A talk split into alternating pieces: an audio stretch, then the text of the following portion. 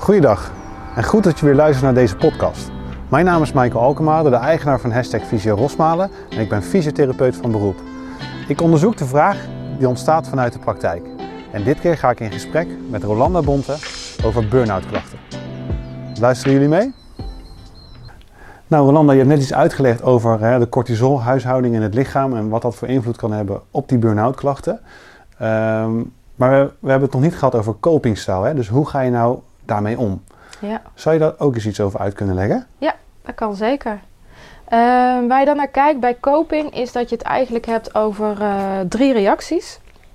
En wij noemen dat uh, de drie keer F. Um, en die staan eigenlijk voor, oké, okay, wat is jouw neiging om met stress om te gaan? En dan kun je kijken naar, de eerste is vechten. Dus dat is die fight-reactie. Mm -hmm.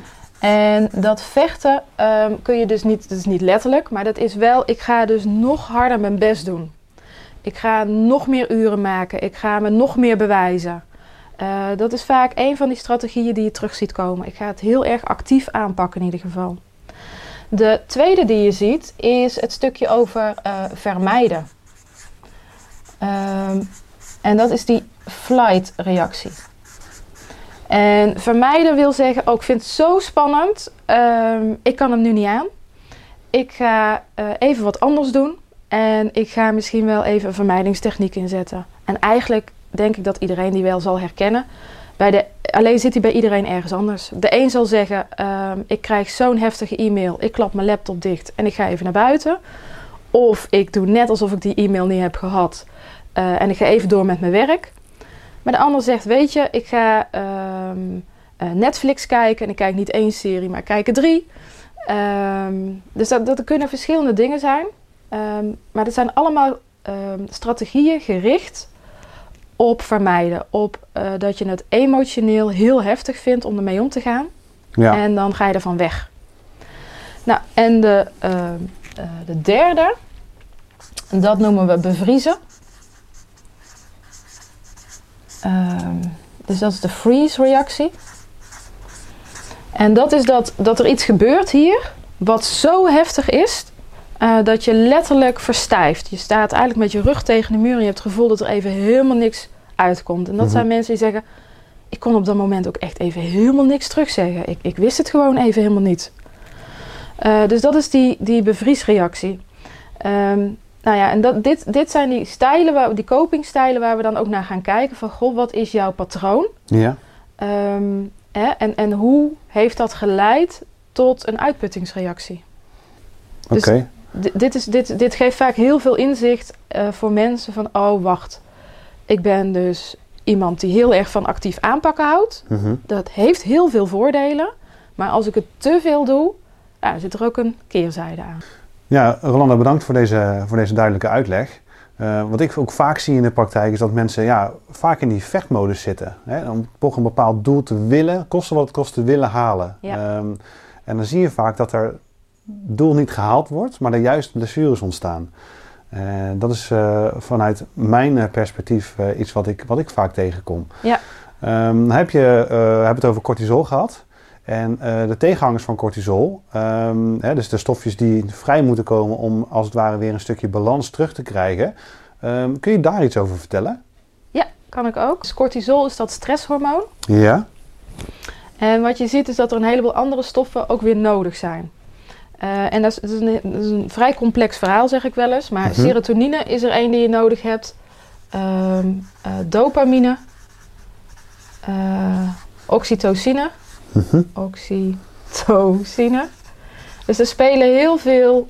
Um, uh, uh, dit zijn eigenlijk ook wel neurotransmitters en hormonen. Dit wordt een heel verhaal op fysiek niveau. Ja. Uh, waarin je ziet, weet je, mensen drijven zichzelf ergens over uh, gaan aan.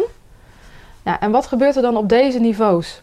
Wat je ziet is dat oxytocine is wel ook wel het knuffelhormoon. Ja. Uh, dat, werkt uh, heel veel positieve energie op. Dat zorgt ook acuut dat als het knuffelhormoon omhoog gaat, dat de cortisol gaat dalen. Dus dat betekent dat uh, aanraken, waardering geven, steun geven, dat zijn allemaal manieren om deze omhoog te krijgen. Dus wat je wil is dat deze omhoog gaat. Daarom is het denk ik ook zo belangrijk om je omgeving erbij te betrekken. Hè? Ja, ja. En als je zegt van, nou ja, weet je, dat, soms vind ik dat nog lastig, dan zeg ik wel eens, heb je een huisdier? Ja, Huisdieren zijn ideaal om te aaien, om op je schoot te laten liggen, om toch die warmte te voelen. mhm. Ehm, en vaak zie je mensen in die fase van die burn-out ook wel naar dieren toe gaan. Een stukje onvoorwaardelijke steun, onvoorwaardelijke liefde, wat daarin gewoon gehaald wordt op Ja. dat moment. Dus dat is heel mooi. ja, Ja. zeker. Dus die is heel belangrijk. Eh, dan heb je nog serotonine en dopamine. Eh, dopamine is eigenlijk het beloningshormoon. Ehm, dit, dit zie je eh, in de praktijk bijvoorbeeld ehm, het pingetje van je telefoon die afgaat. Eh, dopamine zegt ga maar kijken, want ik wil, vind het leuk, word, word beloond. Eh, To-do-lijstjes. Ehm, oh, wat goed, ik kan dingen afstrepen. Mhm. Hij wordt weer beloond. En daardoor gaan mensen blijven ook aanstaan. Dus dat is heel goed om bewust te zijn van... oké, zet bijvoorbeeld eens je e-mail uit. Kijk die op gewoon vaste tijden. Eh, het is prima dat hij er is, maar hij mag niet te hoog. Ja, Hij mag niet continu gevoed worden, want hij gaat door. ja, Nou, en serotonine is ook wel het hormoon eh, waardoor je je veilig voelt, waardoor je je goed voelt. Ehm, en die, die gaat fors naar beneden als je met burn-out te maken hebt. Eh, dus dat gevoel van, ja, ik, ik, ik, ik zit hier rustig, ik, ik kan tot rust komen, ja, die, die is weg. Die, die, die, die- ja, die, die, die, zit, die zit er niet goed bij, laat Nee. ik het zo zeggen. Nee, wat ik vaak zie in de praktijk is als ik met mensen uiteindelijk ga sporten, die terugkomen van burn-out klachten, dat die hormoonhuishouding ook weer op gang komt en de serotonine weer ook omhoog gaat Ja. en daardoor het cortisol omlaag en men zich gewoon wat prettiger gaat voelen. Ja, wat heel belangrijk is, is om cortisol af te breken, is dat je minimaal 20 minuten beweegt aan één stuk. Hoeft niet heel fors te zijn. Ik zeg altijd wandelen totdat je zweet. Ja. Eh, dat je nog net wel eh, een beetje kan praten en zingen. eh, maar net dat tempo hebt, want dan maakt het lichaam alle stoffen aan om deze naar beneden te krijgen. Ehm, en daarom is dat bewegen eh, iedere dag, dus al maak je maar een lunchwandeling, iets wat bij jou past, dat helpt al om die cortisol naar beneden te krijgen. Dus dat kan met bewegen. Het kan ook met ademhalen. Is ook bewezen als je drie keer rustig diep inhaalt, inademhaalt. Dan zie je ook dat de cortisolwaarde al begint te dalen. Mhm. Eh, dat merk je nog niet direct, maar het is wel merkbaar voor het lichaam. Dus het lichaam reageert op die ademhaling. Ja. Ja. Ja, helder. Ja, ook weer bedankt voor deze duidelijke uitleg. Ehm, ja, ik wil graag eh, je heel erg bedanken en eh, het interview afsluiten. Ja. Ehm, als er verder geen nabranders meer zijn vanuit jouw kant, Nee, helemaal goed. Nee, dan, eh, ik denk zeg, dat we alle vragen beantwoord hebben. ja, dan zeg ik bedankt voor dit interview. Graag gedaan.